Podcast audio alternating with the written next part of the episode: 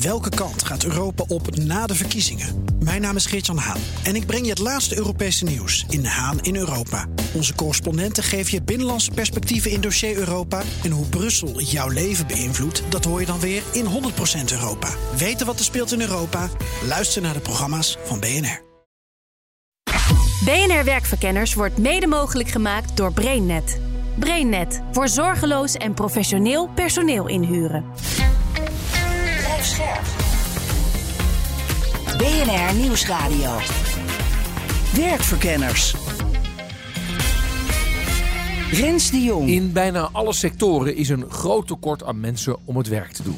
Hebben we het daar wel eens over gehad? Ja, daar hebben we het heel vaak over gehad.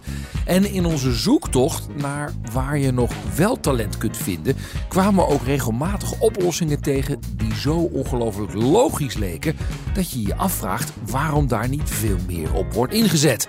Nou, dat is ook het onderwerp van vandaag. Want maar een klein gedeelte van alle statushouders in Nederland werkt. Terwijl een veel groter gedeelte dat wel graag zou willen en gewoon mag. Ja, waarom gebeurt dat dan zo weinig? Er zijn ontzettend veel obstakels eh, die eh, in de weg staan tussen vluchtelingen en werk. Maar er lijkt beweging in te komen. Zouden we alle vluchtelingen in Nederland niet beter kunnen helpen om te landen in de samenleving? En zou dat niet beter langs de as van werk kunnen? Een van de grote obstakels is toch wel de taal. Ik verwachtte te werken als structural engineer. Maar dat betekent hier anders in Nederland. Om te weten welk werk je kunt doen is taal belangrijk, maar ook als je eenmaal aan de slag bent. De standaards zijn ook geschreven in het Nederlands, dat, uh, niet in Engels. En uh, het is uh, een beetje moeilijk, maar uh, komt goed.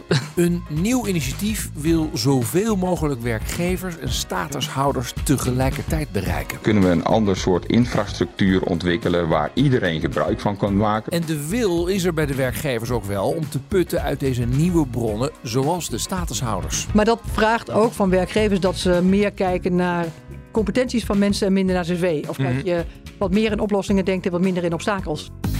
Werkverkenners. Ja, BNR Werkverkenners is natuurlijk niet de eerste die zich realiseert dat werkgevers die mensen zoeken en statushouders die graag willen werken aan elkaar gekoppeld zouden moeten worden. En er zijn dan ook heel wat initiatieven. Ik ben Ron Steenko, ik ben in het dagelijks leven lid van de directie van de ADG Dienstengroep en spreek hier vandaag namens de Start Foundation. Ja, en jij bent eh, sinds begin deze maand bezig met refugee work. Vertel eens. Dat is eigenlijk op eh, 18 maart van dit jaar eh, gestart. Wij hadden toen eh, met minister Van Gennep eh, in een klein bestuurlijk overleg met een tiental mensen een gesprek over het Oekraïne-debat en zijn toen geëindigd in de, met de vraag van wat zouden we met elkaar kunnen doen. En toen hebben Frank Kandel en ik hebben onze vinger opgestoken en gezegd dat we met een eh, plan zouden komen om te zien of wij vluchtelingen eh, beter zouden kunnen laten landen in de samenleving langs de as van werk. Want eh, even, dat was een gesprek met Karine van Gennep, de minister van Sociale Zaken. Welk probleem kwam daar precies op tafel? Nou, dat ging toen heel erg over de toen net uitgebroken oorlog in de Oekraïne. En toen kwam die hele vluchtelingstroom op gang. En zij was vooral geïnteresseerd in welke spelers aan tafel daar op dat moment mee te maken hadden. En een van de zaken was van zouden wij de vluchtelingenstroom snel aan werk kunnen, kunnen helpen.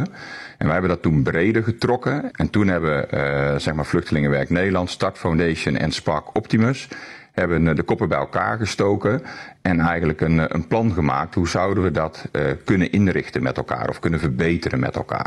Toen hebben we geld opgehaald van uh, initieel bij de Start Foundation. Dat is een, dat is een fonds.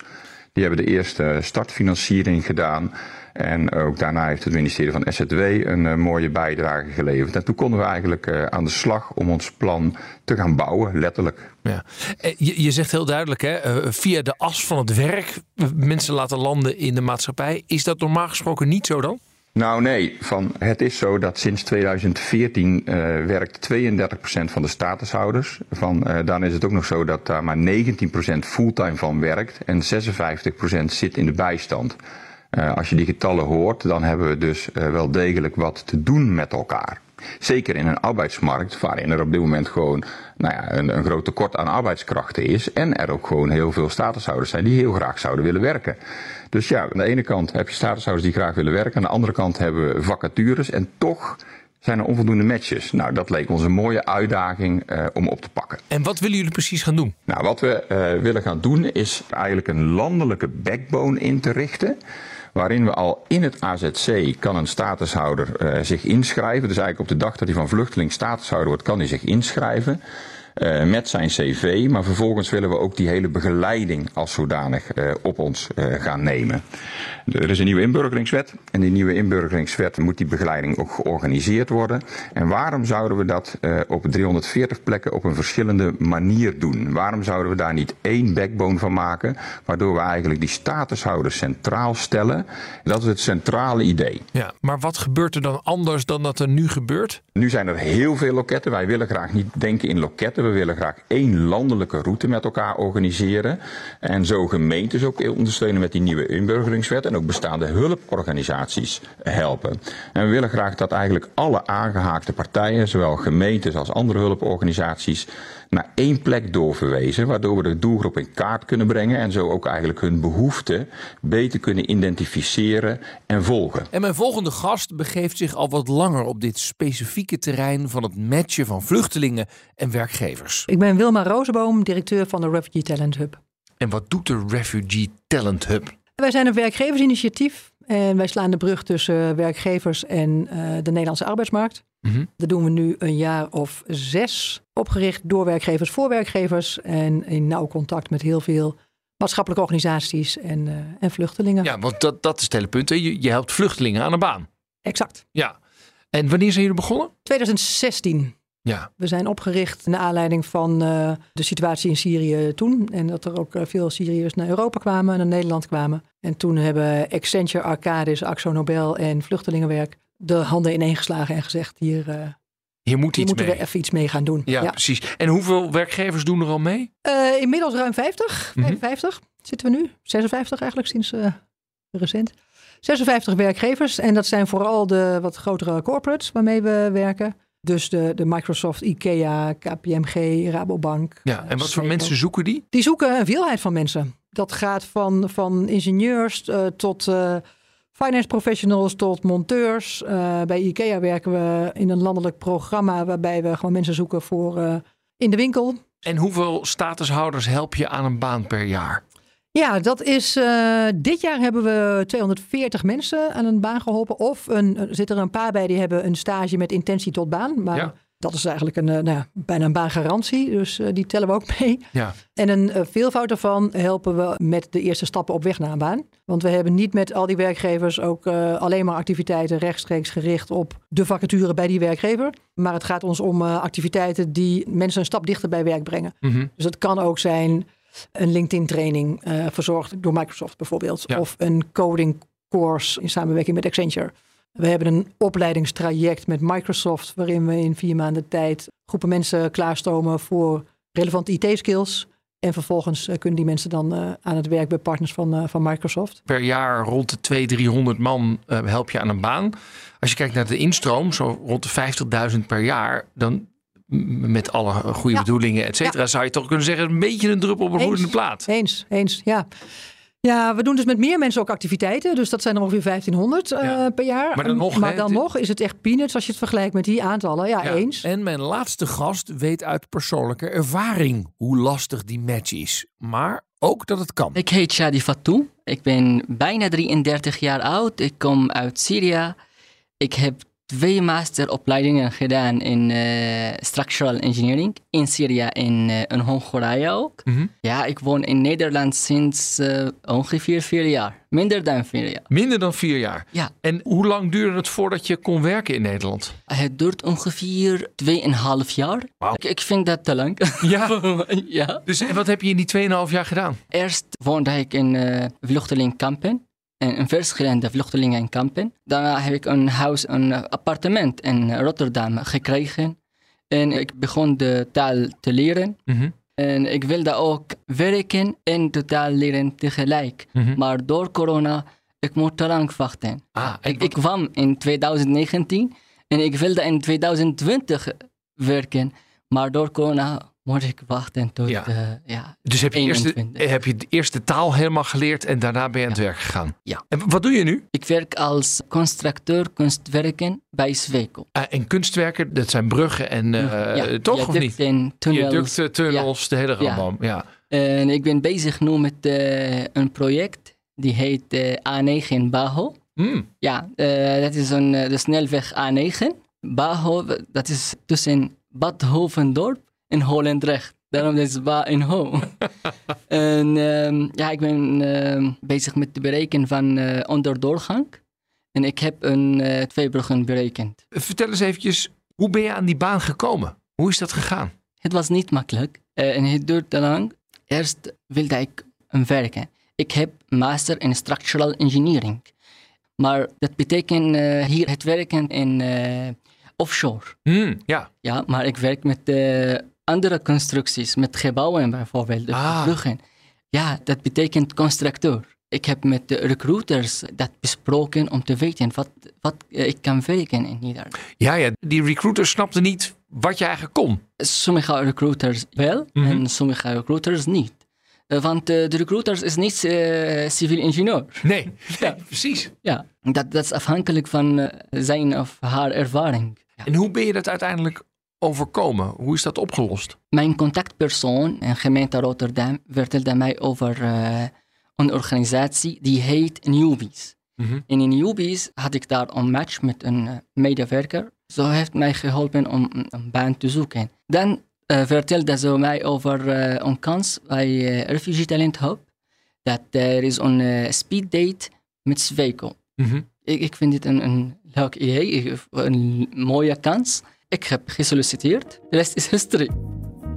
Straks de vraag hoe we de match succesvol kunnen maken. Kunnen we een soort snelweg ontwikkelen waarin we ook bestaande interventies met elkaar kunnen ontsluiten. Zowel aan de begeleidingskant als aan de werkgeverskant, als als de verplichtingen die er rondom de inburgeringswet zijn. Zodat we de vluchteling centraal stellen Ja. en zo eigenlijk sneller en effectiever met elkaar aan de bak gaan. Rens de Jong. Maar eerst moeten we natuurlijk weten wat het allemaal zo lastig maakt. Volgens Wilma Rozenboom van de Refugee Talent Hub zijn er drie categorieën obstakels. De eerste categorie is dingen die te maken hebben met eh, de statushouder zelf. Dat zijn ook de dingen waar mensen meteen aan denken, de- over het algemeen. Zoals? Taal, het feit dat je diploma's eh, niet per se aansluit op de Nederlandse arbeidsmarkt... of in ieder geval hier gewaardeerd moeten worden. Het ontbreken van een relevant netwerk is een hele belangrijke. Een tweede is obstakels of factoren die te maken hebben met de werkgever. Dan heb je het over dingen als vooroordelen, unconscious bias, eh, dat soort zaken. Maar ook processen, procedures en bedrijfscultuur van werkgevers die bepaalde groepen uitsluiten. En Mhm. dat is 9 van de 10 keer onbewust, maar wel reëel. Ja. Ja, en dat zijn ook echt hele suffe dingen, zoals zelfs in de huidige arbeidsmarkt heb je nog werkgevers die werken met een gedigitaliseerd sollicitatieproces, waarbij bijvoorbeeld cv's waaruit blijkt dat er de afgelopen twee jaar geen werkervaring is geweest, dus je hebt een gat in je, op je cv, dat die er automatisch worden uitgegooid voordat er überhaupt een mens naar gekeken heeft. Ah, terwijl als jij uit Syrië gevlucht bent, dan heb je wel even een gat op je cv. Exact. En dan heb je ook nog 9 van de 10 keer heel erg lang hier in een AZC gezeten en, Ja. en, en gewacht. Dus dan wordt die groep gewoon categorisch uitgesloten zonder dat er überhaupt iemand gekeken heeft, zou deze persoon misschien bij mijn organisatie passen. Ja. En het derde punt waar het misgaat? Het derde punt is de publieke framing. Mhm. Als je de gemiddelde persoon op straat vraagt naar wat, eh, wat is je beeld bij vluchtelingen, dan eh, hebben mensen het over eh, mensen die een kans verdienen. Dus het zit vaak in het, in het helpframe. Mhm. Het zijn mensen die mogelijk voor een aantal mensen in Nederland voelen als onbekend en onbekend maakt onbemind. Ja. Dus de beeldvorming rondom vluchtelingen is eigenlijk zelden of nooit een beeldvorming van talent. Dus nee, bijna het is niemand. zielig. Het is zielig. En het is bijna nooit dat iemand denkt: oh, eh, wacht even, vluchtelingen, dat zijn professionals die toevallig ergens anders geboren zijn. Ja. Terwijl dat is wel wat je zou willen als je mensen goede kansen op de arbeidsmarkt zou willen geven. Ja. En die drie dingen samen, dus die individuele factoren, die dingen die liggen bij werkgevers en die publieke framing, dat noemen ze in de literatuur het canvasplafond. Een beetje als analogie naar het glazen plafond. Mhm. En canvas verwijst dan naar het materiaal waarvan eh, tenten zijn gemaakt in vluchtelingenkampen. En dat canvasplafond, dat is echt heel erg moeilijk doordringbaar voor, eh, voor statushouders. Ja. Je hebt een mooi voorbeeld van een bioloog die op haar opleidingsniveau niet aan de bak kon. Ja, nou, een van de hele vele voorbeelden hoor. Ik spreek echt bijna dagelijks mensen die op allerlei obstakels uh, stuiten. En ook heel veel mensen gelukkig die om die obstakels heen komen. Maar dit voorbeeld is inderdaad van een dame die ik uh, gisteren aan de lijn had. Zij zegt, ik ben opgeleid als bioloog. Ik probeer te solliciteren op functies op mijn niveau. En dan krijg ik te horen, daar moet je Nederlands voor kunnen spreken. Uh, en je hebt geen werkervaring in Nederland, dus kom je niet voor een aanmerking. Als ik vervolgens solliciteer op functies die beneden mijn niveau liggen, zelfs op horecabanen hier in Amsterdam, mm -hmm. dan krijg ik te horen, hier ben je zwaar voor overgekwalificeerd, we hebben je op dit moment niet nodig, kijk even naar een rol die meer bij jouw ervaring past. En dan ga ik naar de gemeente en dan zegt de gemeente, waarom heb jij met jouw werkervaring nou nog steeds geen baan? Ja. Dus dat is gekmakend. Ja, pijnlijk ook gewoon. Ja. Wilma Rosenboom noemde de taal al als een belangrijke barrière. En Shadi Fatoum merkt het zelf ook. Eerst bij het vinden van een baan, maar ook nu, eenmaal aan het werk, blijft het wel eens lastig. Ja, ik kan natuurlijk uh, een rapport niet schrijven zoals een Nederlander. Mm -hmm. uh, dat is uh, door de bepaalde woorden die ik ken. woorden, ja. Ja. ja. En hoe gaat jouw werkgever daar dan mee om? Hebben ze dan iemand die jou nog een beetje helpt van nou, weet je wat, wij kijken het rapport nog een keertje even na of hoe werkt zoiets? Ja, voor ieder project of voor iedere taak is er een begeleider. Mm -hmm. Die helpt mij met alles, niet alleen met uh, het rapporteren. Want de standaards hier in Nederland zijn anders dan in Syrië of in Hongarije. Was Sweco de eerste waarbij je solliciteerde of heb je, heb je meerdere sollicitaties gedaan? Ja, ik heb uh, meerdere sollicitaties uh, gehad. Ja. Waren werkgevers onzeker om een vluchteling in dienst te nemen? Eerst dat taal. Ik spreek Nederlands niet perfect zoals een Nederlander, Mhm. natuurlijk. De kennis de, mijn opleiding is niet in Nederland. Een Nederlander die in, Neder in Nederland heeft gestudeerd is een beter optie. Ook uh, de gat in mijn cv. Oh ja. Ja. Omdat je, omdat je gevlucht bent uit Syrië? Ja, ik kwam naar Hongarije in 2017. Vanaf 2017 tot 2021 had ik geen baan. Hmm. Ongeveer vier jaar zonder werk. Ja. Dus anderhalf jaar uh, een, een, master in Hongarije, maar de rest. En, en, en, je kan dat best uitleggen, denk ik, als je met iemand in Ja. gesprek bent. Maar als je het cv opstuurt. Maar had je er niet neergezet vanaf 2017 vluchtelingenkamp, gevlucht uit Syrië. Ik was even druk. Ja, ik heb dat niet geschreven. Nee, nee, maar dat, weet je, het is natuurlijk wel een verklaarbaar gat Ja. in je cv. Ja, dat Nee. heb ik niet gedaan, maar dat is een uh, goede tip voor, voor de andere statushouder. Ja. Even over cultuurverschillen. Hè? Heb je Hm. enorm moeten wennen aan de Nederlandse werkcultuur? Ik heb een paar dingen hier opgemerkt, zoals de flexibiliteit in werk. Ik werk 40 uur en uh, ik begin wat om 9 uur of, of om 8 uur. Dat kan. Of ik kan uh, in de avond werken als ik geen vergaderingen heb. Dat kan. Ja. Ik vind ook de samenwerken hier uh, leuk. Ja. Anders? Beter. Oké, vertel. De teamleden werken samen voor het succes van, uh, van het project, voor het team en ook het bedrijf. En dat was je in Syrië minder gewend, begrijp ik. Ja, een beetje minder. Want uh, soms willen mensen werken voor uh, zichzelf. Ja, ik wil alleen slagen zonder het team. Ja, ja. Denken, ja, sommige mensen denken zoals. Ja. En, en waren er nog, als je culturele verschillen hebt, heb je een soort lost in translation? Uh, ja. dat, dat, je, dat je elkaar gewoon even niet begrijpt. Ja. Heb je dat meegemaakt of niet? Ja, de misvers, uh, misverstandig. Ja, misverstanden, ja. ja. Ik denk gebeurt elke dag. Ja? Geef eens Ja. een voorbeeld. In een vergadering heeft de ontwerpleider mij gevraagd over uh, de berekening van uh, betonkrimp Mhm. volgens Syrië. En Syrië, dat is de naam van een standaard. Maar ik dacht, Syrië is mijn eigen land. Ik dacht dat hij vraagt mij over hoe ik in Syrië de krimp Ja, het tegelijkertijd op allerlei borden moeten kunnen schaken, maakt het voor de statushouders ook niet bepaald makkelijk, zegt Ron Steenkuil van de Start Foundation. Je ziet dus ook dat uh, slechts 19% fulltime werkt. Kom je ook nog eens een keer in een vreemd land waarin je onvoldoende netwerk hebt en je moet je netwerk opbouwen van. Uh, dus er zijn wel degelijk uitdagingen. De taalbarrière is en blijft een, uh, een, een uitdaging over taalniveau. We hebben ook cultuurverschillen waar we mee te maken hebben. We hebben diploma's die lastig vergeleken uh, met elkaar vergeleken kunnen worden. Nou, en dat combineren van werk en inburgering, van uh, mogelijke trauma's die mensen meenemen. De groep is ook beperkt zichtbaar en soms moeilijk te vinden. Eh, en voor werkgevers misschien maakt onbekend ook wel onbemind als zodanig. Dan kun je de ervaringen, de competenties van de statushouder, kun je die wel matchen op de vacature die je zelf als werkgever vakant hebt. Uh, is er wel voldoende begeleiding op maat? En dan heb je zomaar een aantal uitdagingen uh, die het soms ingewikkeld maken om op een snelle manier werk te vinden. Ja, en ga je dat dan met een matchingsplatform voor elkaar krijgen, vraag ik me af waarom. Nou, dat denk ik niet. Van, maar een goede inburgering kan wel enorm geholpen worden langs de as van werk.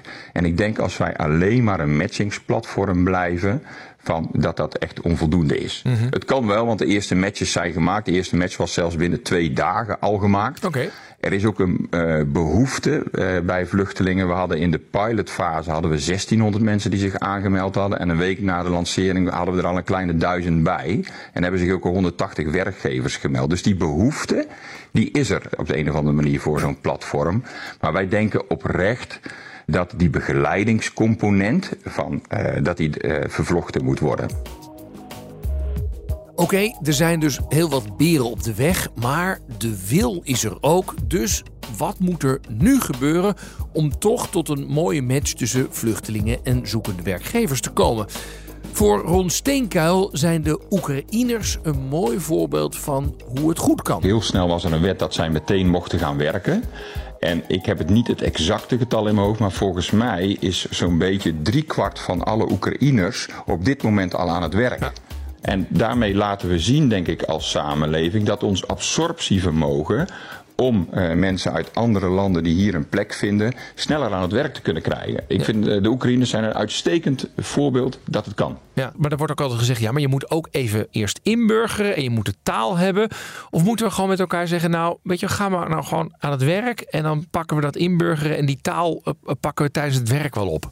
Ik ben geen deskundige op dit gebied, maar ik vind de, de referentie, hoe dat met de Oekraïners gegaan, wel uh, duiding geven dat we dit echt met elkaar moeten onderzoeken of dat niet op een andere manier ingericht zou kunnen worden. En dat mensen wel degelijk wellicht, zodra zij in dit land mogen verblijven, van aan het werk zouden kunnen gaan. Ja. Ik weet het niet, van, er, zitten, er zijn natuurlijk heel veel obstakels Rens, van. En daar, ik wil me weghouden van het politieke debat daarin. Mm. Ik wil vooral, wij willen vooral kijken van wat is mogelijk binnen de kaders van de huidige wetgeving. Ja. En daar proberen we zeg maar oplossingen voor te vinden. Je hoort overigens ook wel veel verhalen van uh, gediplomeerde artsen in andere landen die dan hier ja. alleen maar als uh, nou ja, ten hoogste verpleegkundige aan het werk kunnen, maar vaak ook gewoon als ja. schoonmaker.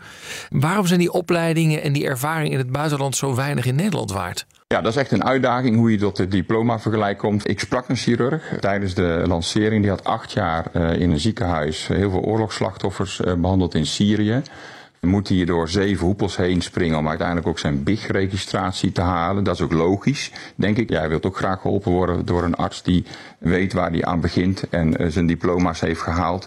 Maar dat zijn wel hoepels rondom de vergelijking, waar we nog met elkaar doorheen moeten springen. En dat is niet op elk moment even makkelijk.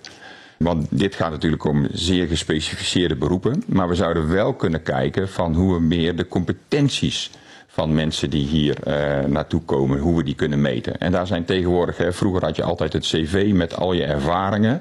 Van, en tegenwoordig heb je meer het competentie-cv en daar kunnen we wel degelijk op testen. Wat kun jij nou? Wat zijn jouw ervaringen en hoe kun je die schalen? En dan zou je dus op basis van competenties iemand kunnen aannemen in plaats van direct op diploma's. Uh, en dat geldt wat mij betreft niet direct voor artsen van, uh, of voor bepaalde beroepen. Daar, maar we moeten wel stappen zetten om diplomavergelijk te kunnen organiseren. Laat statushouders wel met elkaar concurreren, maar niet met de Nederlanders.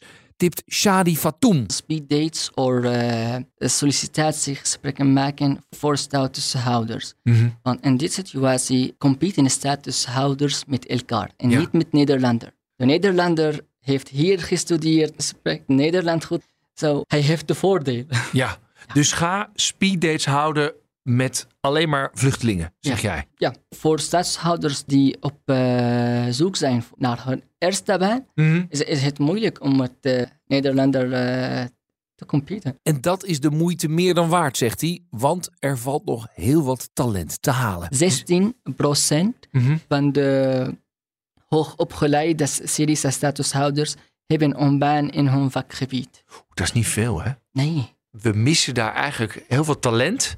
Ja. dat gewoon niet op de plek zit eigenlijk. Precies, ja. En waardoor komt dat? Dat komt door de taal, en door uh, de kennis, de werkervaring, uh, stereotype, Ja. beeld.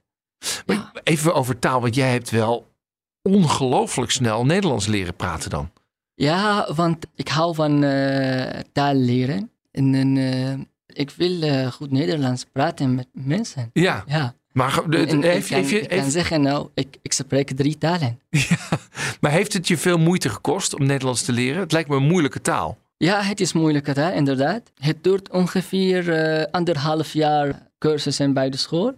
Maar het is makkelijker dan Hongaars. Goed, je hebt de taalbarrière, je hebt de cultuurverschillen, onduidelijkheid over diploma's. Ja, dan is het voor werkgevers misschien ook wel verleidelijk om toch nog even verder te kijken.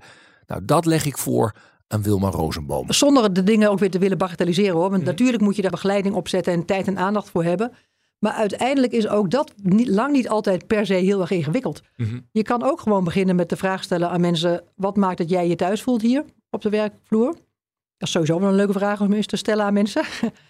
en ehm, daar dan op in te spelen. En dan kom je misschien helemaal niet op zo ontzettend veel verschillen uit. En je kan de dingen, de verschillen die er zijn, kan je bespreekbaar maken. Ik bedoel, wij zien dat natuurlijk wel gebeuren bij werkgevers. Er komen altijd op een gegeven moment dingen langs over planning, bijvoorbeeld. Dat is eh, vrij vaak een verschil in culturen. wat bedoel je met planning? Ja, Is dat op tijd bij- komen? Of, eh, Nou ja, dat misschien, maar ook je agenda volplannen met vergaderingen en met afspraken. Oh en ja, dat je dat goed timed en dat je dat drie weken, vier weken van tevoren aan het inplannen bent.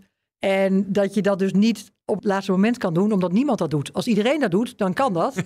Maar als niemand dat doet, dan, oh dan ja, dat is zit een, iedereen zijn dat is agenda echt een vol. cultuurverschil dus. Echt een cultuurverschil. Oh ja, grappig. Hiërarchie is er ook zo één. Oh ja. Alle Nederlandse bedrijven die wij spreken, die zeggen als je vraagt naar bedrijfscultuur, wij zijn een platte organisatie, eh, de deur staat altijd open, er is hier geen hiërarchie.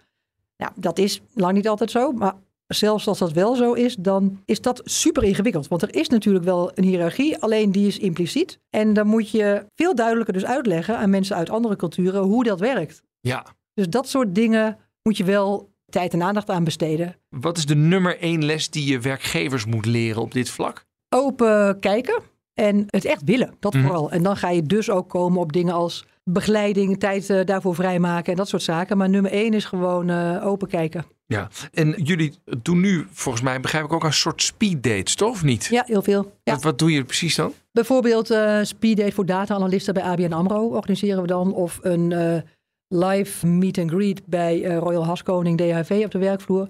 Dus dan organiseren we een bijeenkomst online of live, liefst live, Ja. tussen vluchtelingen en werkgevers. Ik, ik moet eerlijk zeggen, maar dat, ik zit dus ook vast in mijn eigen frame. Dat ik niet zo sn- snel had bedacht dat we inderdaad vluchtelingen hadden die data-analyst zijn. Ja joh, er zijn er bij ABN AMRO al, ik weet niet eens hoeveel, maar er zijn er al eh, nou, ja, tientallen. Oh ja? Ja. En waar komen ze dan allemaal vandaan? Syrië, Afghanistan, Pakistan, Turkije, toenemende groep. Wauw, Dat ik, moet, eh, ik moet mijn goed. beeld dan ook bijstellen dus. Ja, doen. Ja, maar, maar als ik het al heb, dan zullen heel wat werkgevers dat dus ook wel hebben. Ja. Die denken, nou, een data-analyst kan niet uit Afghanistan komen. Ja, en dat is ook wel weer interessant, want er is ook een soort beeld van alle Syriërs zijn goede IT'ers. Nu over de Oekraïners werd dat, was dat Ja. ook een beetje de beeldvorming. Dus je hebt aan de ene kant dat heel veel werkgevers denken, dat zullen wel geen data-analysten zijn. Die zitten meer in de, in de wat praktisch geschoolde beroepen. Bijvoorbeeld. En aan de andere kant heb je de beeldvorming dat het eh, allemaal fantastische IT-programmeurs zijn. en dat is ook niet waar. Is ook niet waar. Nee, dus je moet ze elke keer gewoon per persoon beoordelen. Ja, het zijn net eh, mensen zoals jij. Ja, ja precies. Iedereen heeft een eigen vak. Conclusie van deze uitzending: er moeten toch nog wat slagen gemaakt worden om beter tot deze ogenschijnlijk toch wel voor de hand liggende match te komen. Nou, taal noemden mijn gasten al als barrière. Maar de vraag is dan: moet een statushouder de taal echt helemaal beheersen voordat hij aan de slag kan? Met de juiste begeleiding zouden vluchtelingen het leren van Nederlands ook kunnen combineren met het werken. Nou, en ook bij de werkgevers moet de knop om. Onbekend maakt onbemind lijkt hier een rol te spelen. Er mag ook wel veel meer dan veel werkgevers weten. En er wordt ook te weinig in talent gedacht. En misschien wel te veel vanuit angst voor bijvoorbeeld cultuurverschillen en misschien ook wel trauma. En een gat in het cv in bezwaar? Ja, sorry, serieus? Dat snapt toch iedereen? Die mensen zijn op de vlucht geslagen. Nog één tip die langskwam. Om statushouders een eerlijke kans te geven, zou je ze niet met Nederlandse kandidaten moeten laten concurreren. En een belangrijke hobbel is het lezen van diploma's. Want ja, wat zijn diploma's uit Syrië of Oekraïne hier eigenlijk waard? Werkgevers zouden meer naar competenties kunnen kijken dan naar de cv's. Maar ook hier zou een bredere oplossing voor moeten komen. Misschien wel in een samenwerking met een overheid, de werkgevers en de organisaties die al actief zijn op dit vlak. En idealiter komt er natuurlijk een soort landelijke structuur, waardoor iedereen lokaal weet waar die moet zijn en wat die kan doen. Nou, dit was Werkverkenners voor deze week. Productie en redactie Nelleke van Heijden. Mijn naam is Rens de Jong. En volgende week dan krijg je weer een verse op dinsdag om half vier. En in je podcast-app kun je hem op ieder moment terugluisteren. Tot de volgende keer. Dag. BNR Werkverkenners wordt mede mogelijk gemaakt door BrainNet. BrainNet voor zorgeloos en professioneel personeel inhuren. Ook Bas van Werven vind je in de BNR-app. Ja, je kunt live naar mij en Iwan luisteren tijdens de ochtendspits. Je krijgt een melding van Breaking News. En niet alleen onze podcast Ochtendnieuws, maar alle BNR-podcasts vind je in de app. Download nu de gratis BNR-app en blijf scherp.